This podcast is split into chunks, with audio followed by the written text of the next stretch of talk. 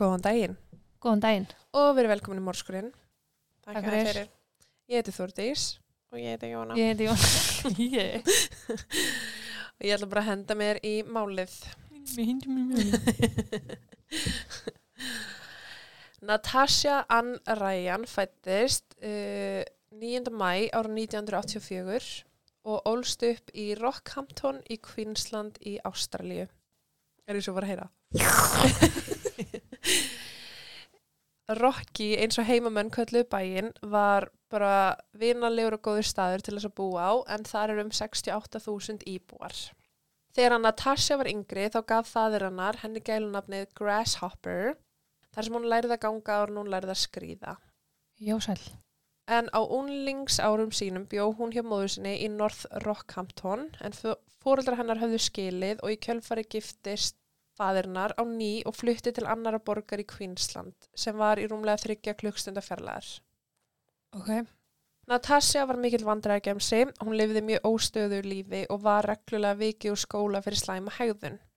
Hún hafði einnig byrjað að fykta með eitilif, gerð sjálfsvíkstilrunir og reynd nokkur sinnum að stinga af að heiman. Ok. Árið 98 var hún 14 ára gömul og hafði verið að deyta strák að nafni Scott Black en hann var þá 21-22 og því töluvert eldri en hún, 14-22. Já. Það er einhverju sögur um að Scott hafi áður verið að deyta eldri sýsturnar en ég selða ekki dýran í keifta og ég borgaði Ég ekki ætla fyrir að segja, ég borgar ekki krónu fyrir það. Nei, en þau tvö voru bara ekkert besta blandan. Þau hafðu nokkur sinnum sjálf reynd að stinga af, voru að fykta við fíknefni, voru ekki að mæta í skólan, þú veist, þetta var bara mjög óstöðugt samband hjá þeim. Það var til dæmis eitt skipti í júli árið 98 sem að Natasja let sig hverfa á meðan hún var út að viðra fjölskylduhundin og lögreglan fann hana síðar í vikunni á útitónlegum í Rockhampton og komst fljótlega að því að hún hafi gista hóteli með skott kærastann sinum. Í kjölfarið var Scott ákjörður fyrir mannrán en svo ákjörða var að lokum feld nýður en hann var samt sem aður sektaður, bara fyrir að hindra framgang réttvísinars eða bara fyrir að villa um fyrir lauruglu. Natasha og Scott höfðu áður reynd að láta sig hverfa en alltaf án árangurs þar sem hún fannst alltaf fljótlega í felum með honum. Já. Það var svo þann 31. ágúst sama ár sem hún kvarf á ný. Móðurinnar hafði skuttlega henni í North Rockhampton State High þar sem hún stundaði nám en á einhverju tímpúti þennan dag kvarf hún. Og það er ekkert vitað um hvenar eða hvernig aðstæður voru. En vitandi það að hún var með sögum að stinga af þá held lögurlega því fram að þeir myndi finna hana fljótlega á ný. Á þessum tíma sem að Natasha kvarf þá var bara mikið gangi í Rockhampton.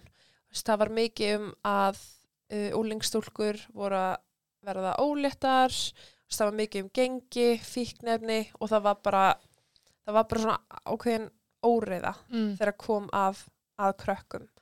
En fjórum mánum áður en að Natasha kvarf að þá hafði hinn 16 ára Rachel Antonio verið að heimsækja Queen's Beach í norður Rockhampton þegar hún kvarf. Uh, hvorki lík hennar eða einhver föt sem að hún átti hafa fundist en 26 ára gammal maður á nafni Robert Lins, hann var fundin segur um henni en því var henni snúið við vegna skors og sönnugögnum og það er bara að tala um að það er ekki vita hvað gerðist fyrir Rachel. Næ. En þetta var sérst fjórum mánum áður en að Natasha kvarf. Ok.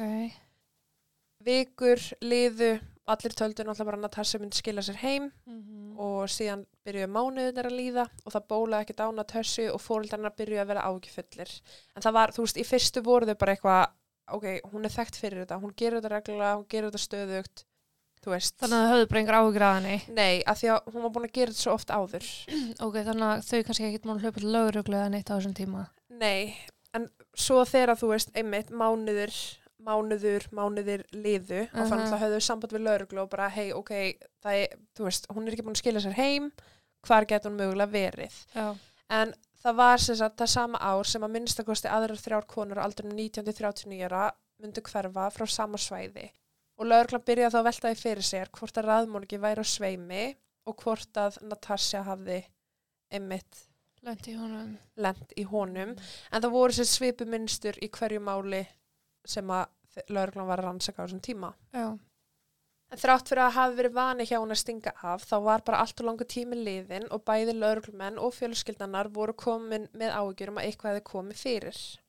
Í kjölfari hóst umfangsmikið leit þar sem að yfir 100 manns tóku þátt, sjálfbúðalegar, viðbrasaðalar, lauruglumenn sem og aðrir sem vildi hjálpa til og þessi rannsókn kostaði um 400.000 dollara. Þetta var stórt og mikið svæði sem þurfti að greiði gegnum en þessi leit skilaður en einhverjum árangri og það er ekki heldur talað um að hún hafi skilað einhverjum árangri í hinum mannkvarsmálunum. Búið verið yfir, yfirherra kæristunannar nokkur sinnum en hann hafði raun bara ekkert hugmyndum hvað Natasja væri og talið er að ef hún hefði látið sig hverfa þá væri búið að koma upp um hana á þessu tímbondi. Einhver hliti að var síðana, bankareikningur, sím, þú veist, það þarf eitthvað að vera. Móðurinnar uh, hafði náttúrulega talað við lögreglu, hún sagði að dótturinnar hafi verið bara í, með, í góðu hugar ástandi Já, daginn sem hún hvarf um, og síðan kom vitni sem að steg fram og sagði að tveimu dögum sérst, eftir hvarfinar þá hafði Natasha sérst uh, spila einhverju tölvuleiki í einhverju kvikmyndahúsi hvort það sé svona arcade uh, áður en hún fór upp í bíl með óþekktu manni. Það leið um það byrjum mánur þar til að það voru svona upphaflega settar út fréttir um hvarfinar já. þannig að veist, á þessum mánuði var í raun ekki verið að gera neitt og þú veist á þessum tíma var lögregla bara eitthvað og fjölskylda bæði svona mm, ok, hún er ykkur staðar, hún er bara ekki búin að skila sér tilbaka Já. þá kom lögreglu þjótt meðal annars fram og bana Tössu um að láta vita hún veri örug sagði henni að tala við þriðja aðila og sem sagt bað einni almenning um að koma fram með bara allar upplýsingar sem að þau gáttu verið með. Já. En þú veist, bara til samanburðar þá er um 30.000 manns í Ástralíu sem að týnast á ári hverju. Wow. Já. Flest af þessu fólki finnast fljótt, 85% innan við viku, 95% innan við mánuði og um helmingur hefur sambandi að kemur sjálfur heim. En þegar mánuðinni byrja að líða að þá byrjuðu náttúrulega bara áhyggjurnar að aukast. Mm Rannsókn að málina Tössu kólnaði fljótt og tali var að hún hefði orðið fórnalamb einhvers konar aðila, hvort sem það hafi verið ráðmorgi eða einhver annar. En það er sérstaklega vitnað í ástralska ráðmorgjan Leonard Fraser. Allstaðar var bara talað um að hann væri bara í raun kynferðislegt rándir að verstu gerð. Uh, Leonard Fraser, hann fættist hann 27. júni ára 1951 í Ingham í Queensland en flutti síðar til Sydney og aðeins 15 ára gamall var hann komið með langan sakaferil og í kjölfari sendur í 12 mánuða vistun á drengjaheimili fyrir þjófnað. Ok. Og það er svona fyrsta afbrótið hans Mm. í rauninni. En hann átti óbelsfullan feril að baki sem að tegði sig allt til uh, 15 ára aldurs. En árið 97, eftir að hafa verið laus í viku á skilurði eftir sagt, að hafa fengið 5 ára dóm fyrir rán, að þá nauðga hann einni konu og sló síðan tvær aðrar uh, í tilraun til nauðgunar og játaði einni að hafa sagt, nauðgað frönskum ferðamanni sem var í Sydney. Innan tveggja vikna frá því að hann var látið laus ár 1982 eftir sjö ár af 21 ás uh, dómnum sínum þá hafði hann ráðist að aðra konu og árið 1985 hafði hann enn og ný nauðgað annari konu á ströndinni í Mackay, norður af Rockhampton. Var... Sjö ár af 21 ára dómi. Já. En hann var í raun bara dæmdur nauðgari sem hafði haldið áfram að nauðga í hvers skipti sem hann losna úr fangelsi. -hmm. Uh, þann 20. apríl ára 99 þá nauðgaði hann og myrti hérna nýja ára Ki Kýra Steinhardt en hún var sérst að ganga heim úr skólanum sínum og Leonard hafði setið um hana meðan hún gekk heim þennan dag. Og ég bara stað. Já. Þennan dag hafði Leonard skilið kæristunum sína eftir heima hjá sér. Hann hefði kyrt á rauðabílinu sínum og byðið eftir kýru. Hann keirði hratt aftan að henni sem gerði verkum. Hann keirði á hana og hún höfukópu brotnaði. Uh, hann kom henni fyrir í grasinu þar sem hann fór og sagt, uh, skildi hann aðra eftir látna og svo fór hann að náði hana aftur og kom henni fyrir hann sérst í mildtíðinni fór og sótti kæristunum sína og fór síðan og losaði sig við líkið Já.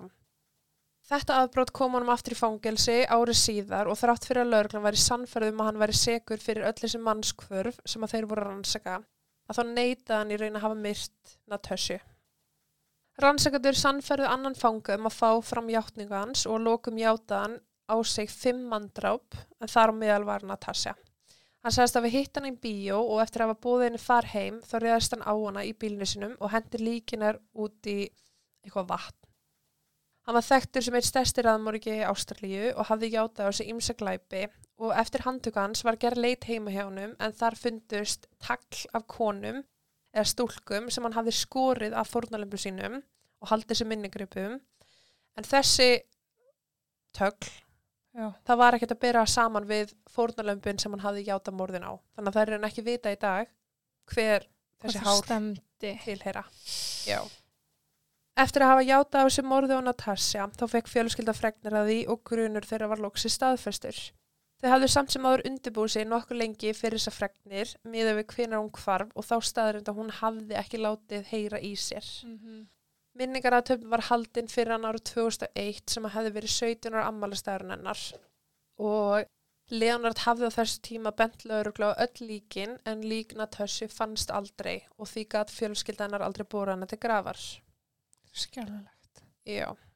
Leonard var síðan ákjærður fyrir morðið á Natasja sem og þremur öðrum stúlkum. En sérst árið 2001 var hann ákjærður fyrir morðið á Kæru og núna var sérst árið 2003 var verið ákjæran fyrir morðið á Natasju og þremur öðrum konum. Sérst Beverly Leggo sem var 36 ára en hún hafði verið kyrt með næri buksunum sínum. Uh, Julie Dawn Turner sem var 39 ára en hún hafði einmitt verið kyrt með brjóstaldarna sínum og Silvia Marie Benedetti sem var 19 ára. Hún hafði sérst verið barinn með svona trjából. Jesus. Leonard segist hafa hitt Natasju í kvikmyndahúsi, gefið henni far og ráðist á henni í bílnum.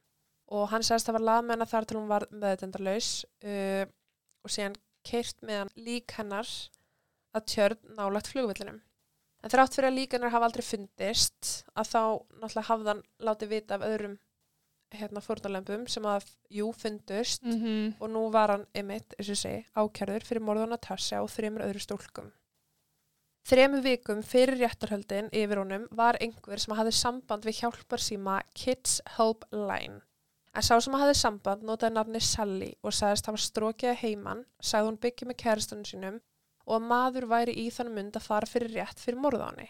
What? Þann annan april ára 2003 uh, ákvaðast þessi ráðgjafi sem að tóka móti þessu símtali að koma skilabóðunum nafnlaust á framfæri við lauruglu en það var ekki að rekja það hvaðan símtalið kom. Og það var ekkert vitað um hver hefði komið með þessa ábyrtingu. Þetta er líka nafnlusta ástæðu, sko. Já. Það var svo 11. april árið 2003 í miðjum réttarhöldum yfir Leonard fyrir þessum fjögur morð sem að sagsóknarinn í málinu kom fram með tilkynningu og sagði Það gleður mig að tilkynna ykkur að Leonard Fraser er ekki segur um morðu á Natasja Ann Ryan því að Natasja er á lífi. Mm. Í ótrúleiri atbyrðurás hafði Natasja ekki verið rænt og drepin.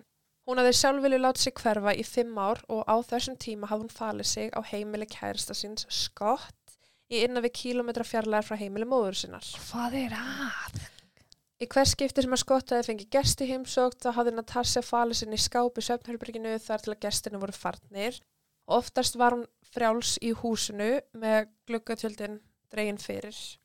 Hún virtist ána með að lifa megnið á úlingsáru sínum inn á heimilinu þar sem hún las, saumaði og vafraði um á netinu og á næstu fimm árum fór hún aðeins nokkur sinnum út en það var aðalega til að fara á ströndin á kvöldin og þá faldi hún sig sérst í bílnum á skott og meðan þau ógöðungað og aftur tilbaka. En á meðan að fjölskyldanar leita af henni ákaft þá var hann allan tíman á lífi. Í bókstala bara næsta nágrinni. Mm Eftir að lauruglan hafði fengið þetta nafnlusa bref uh, með símanúmurinn sem hafði ringt í hjálpalínuna að þá fór lauruglan inn í hús við Mills Avenue í North Rockhampton þar sem þeir fundi Natasju. En hún hefði falið sér inn í söfnherbyggiskápnum og var bara mjög föl eftir öll árin sem hún hafði haldið sér innan þeirra á hans að komast í snertingu við sóluljós. -hmm. Saksóknarinn á þeim tíma hafði farið í gennum réttasalinn til þess að finna föðurnar Robert og segja honum fréttinnar af dótsinni. Þegar hann heyrði þetta hjælt hann í fyrsta og lögreglan væri loksins búin að finna lík dótsinnar. En við þessa fregnir neyga niður. Hann fekk fyrirmæli um að hafa samband við lögreglustöðuna til að staðfesta að um Natasja væri að ræða þar sem hann taldi að eitthvað djók var í gangi. En þegar hann ringdi lörgstöðuna þá bað hann sérst konuna um að spurja stelpuna um gælunafni hennar áður en að hann vildi tala við hana sjálfur af því hann vildi bara ekki fá falska vonir.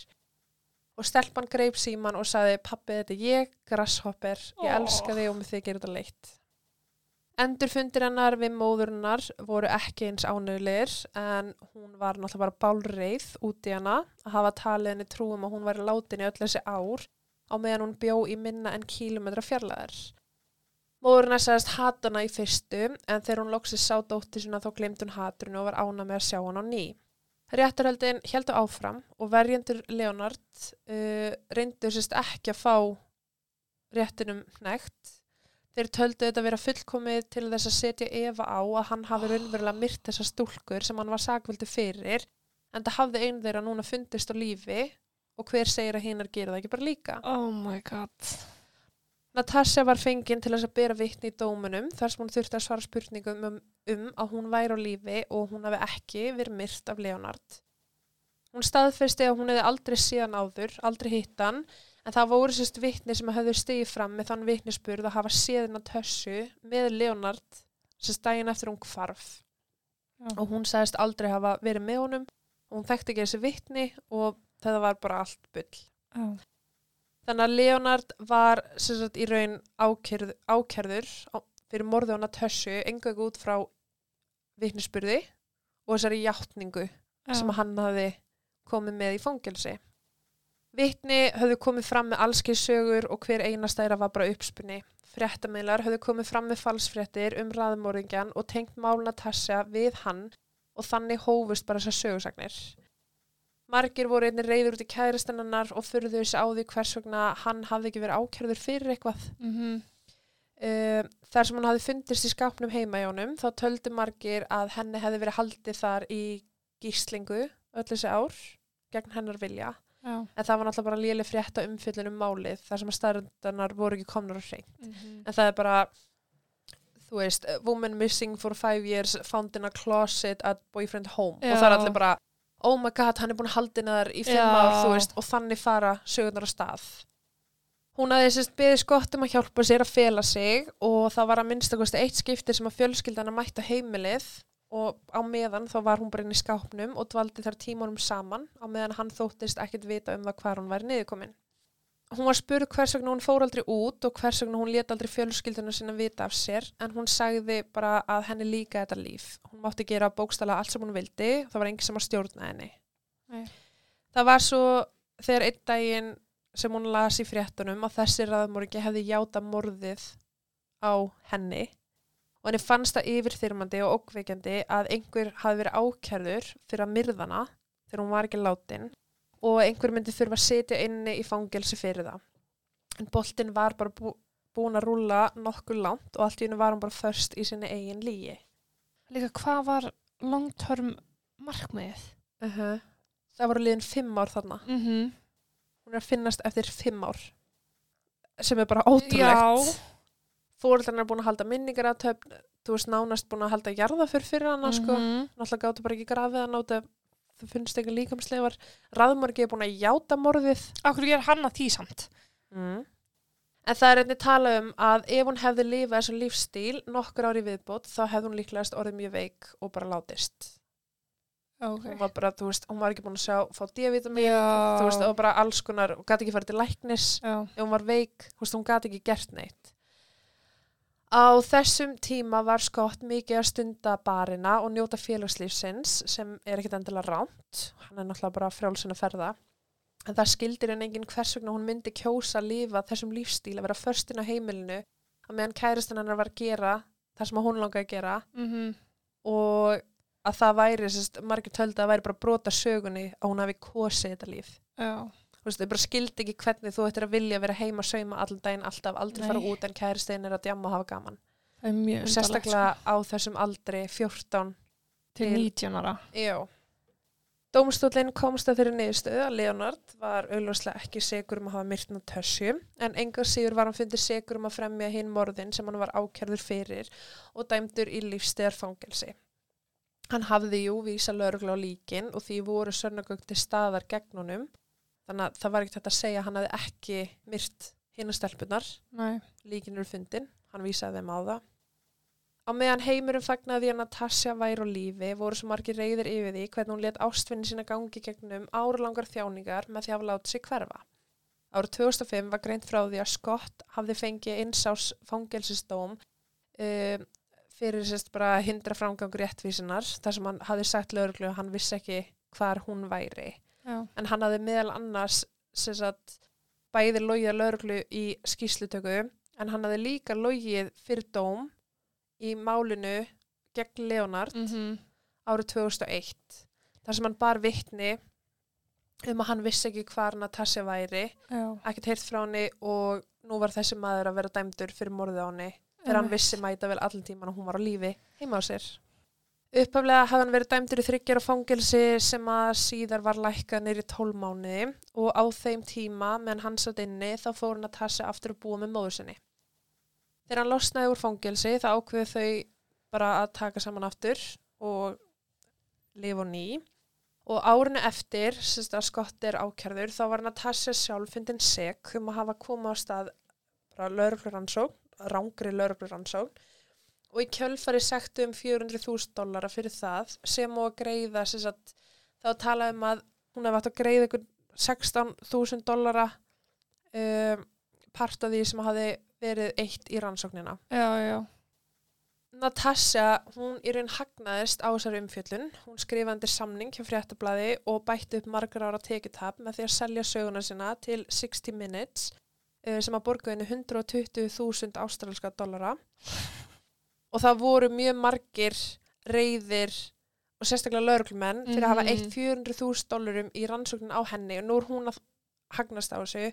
Þannig að þeir voru inn að krefjast þess að hún myndi borga allt tilbaka, Já. 400.000 dali. Skríti líka að það hafi ekki verið sett fyrir upp, hafi bara bann að hún geti hagnast á málunni. Uh -huh. Því það er mjög oft gert. Já.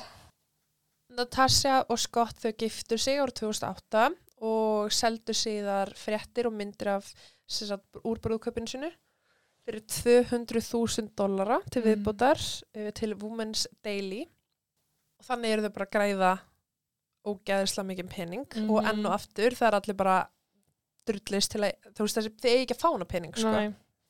Í dag eiga þau þrjú börn og sko, þú veist, það er mismunandi fréttir út um allt með hvað þau þurftu að borga tilbaka. Það tala um að þau að borga sem sagt 3.000 dólara, 6.000 dólara, 4.000 dólara, alls konar svo leis Mm. og meðan aðri tala um að þau þurftu að borga hverja einustu krónu af rannsókninni.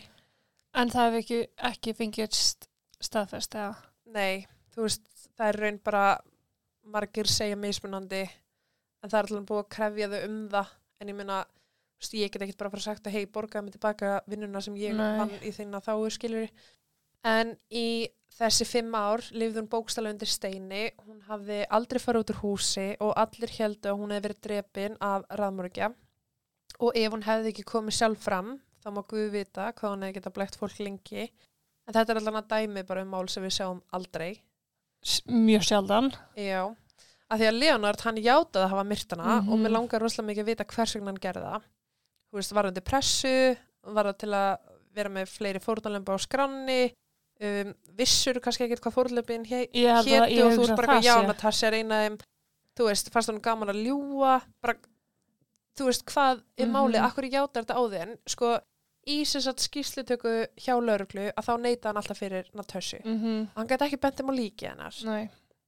en hann sem sagt, já, þessi Alan Quinn, honum er sem sagt bóðið vægari refsingu fyrir að ná fram játningu frá honum Já.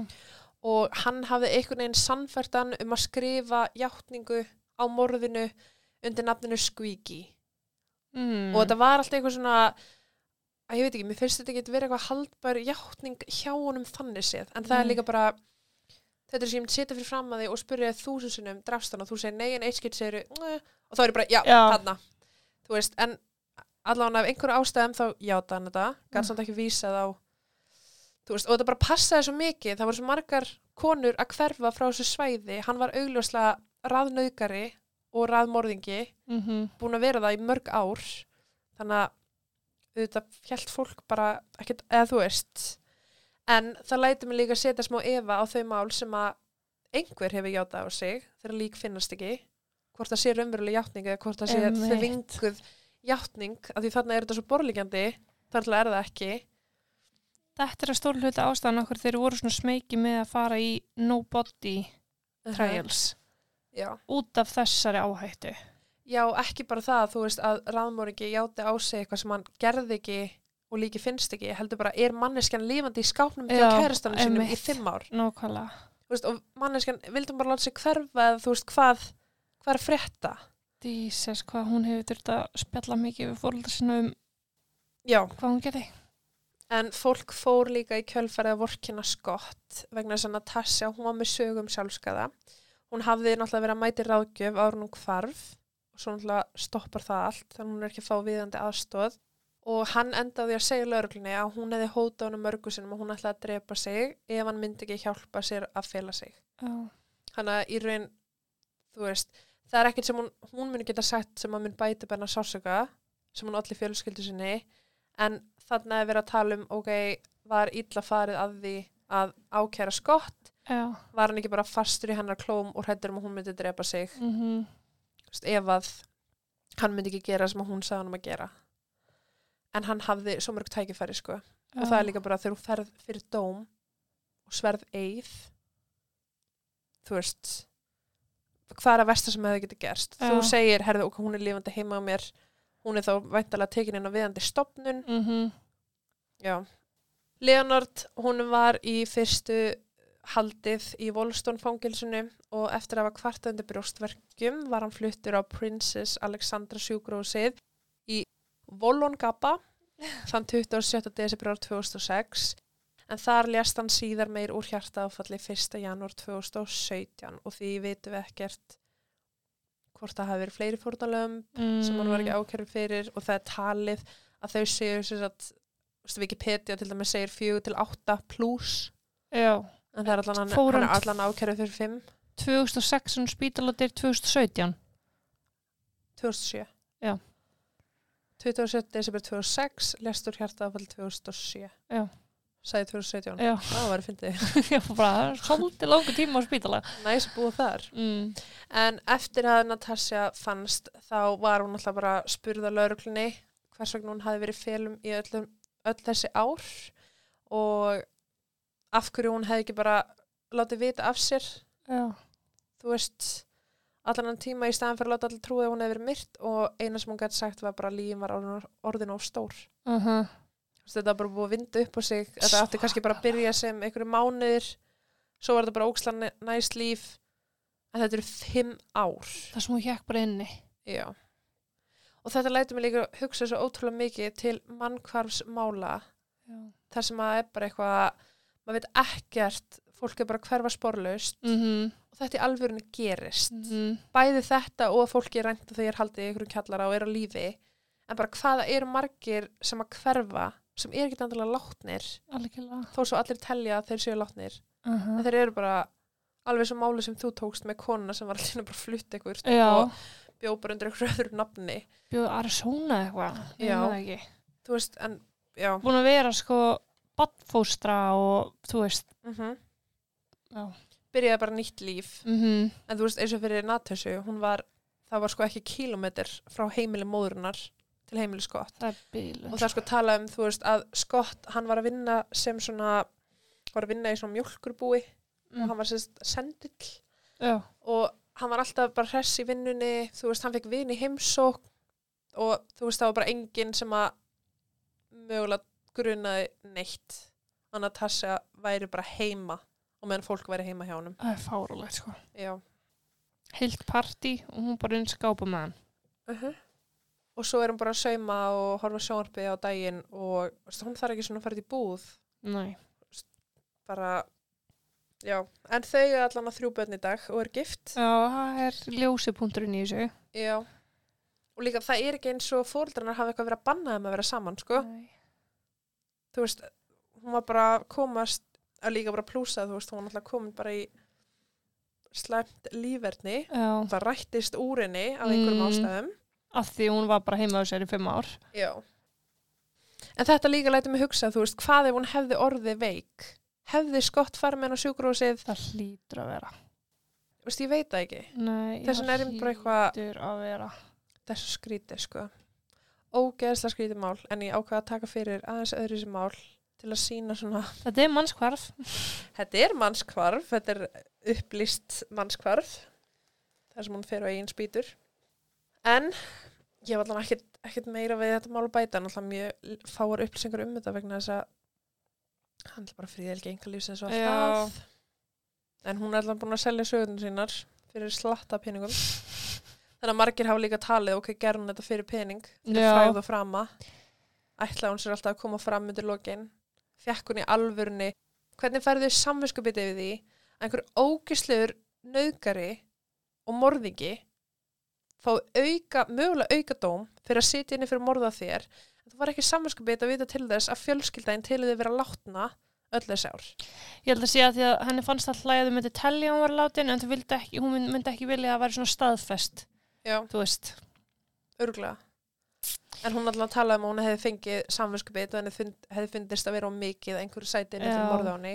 En þú veist, ég myndi skilja ef þetta væri einhver pétur út í bæ Mm sem hafði aldrei gert flugumein þetta er actually gæi sem er dæmdur fyrir þrjú önnur morð þú veist Mm. þessi, þetta eina morð er ekki að breyta neina var þetta dóminan sko Nei. en, en já Sæl. Jeps, þetta er allan að máliðinar Natasha og ég ætla þá bara að þakka fyrir mig í dag Já, segi takk og bless og það er til næst takk og bless.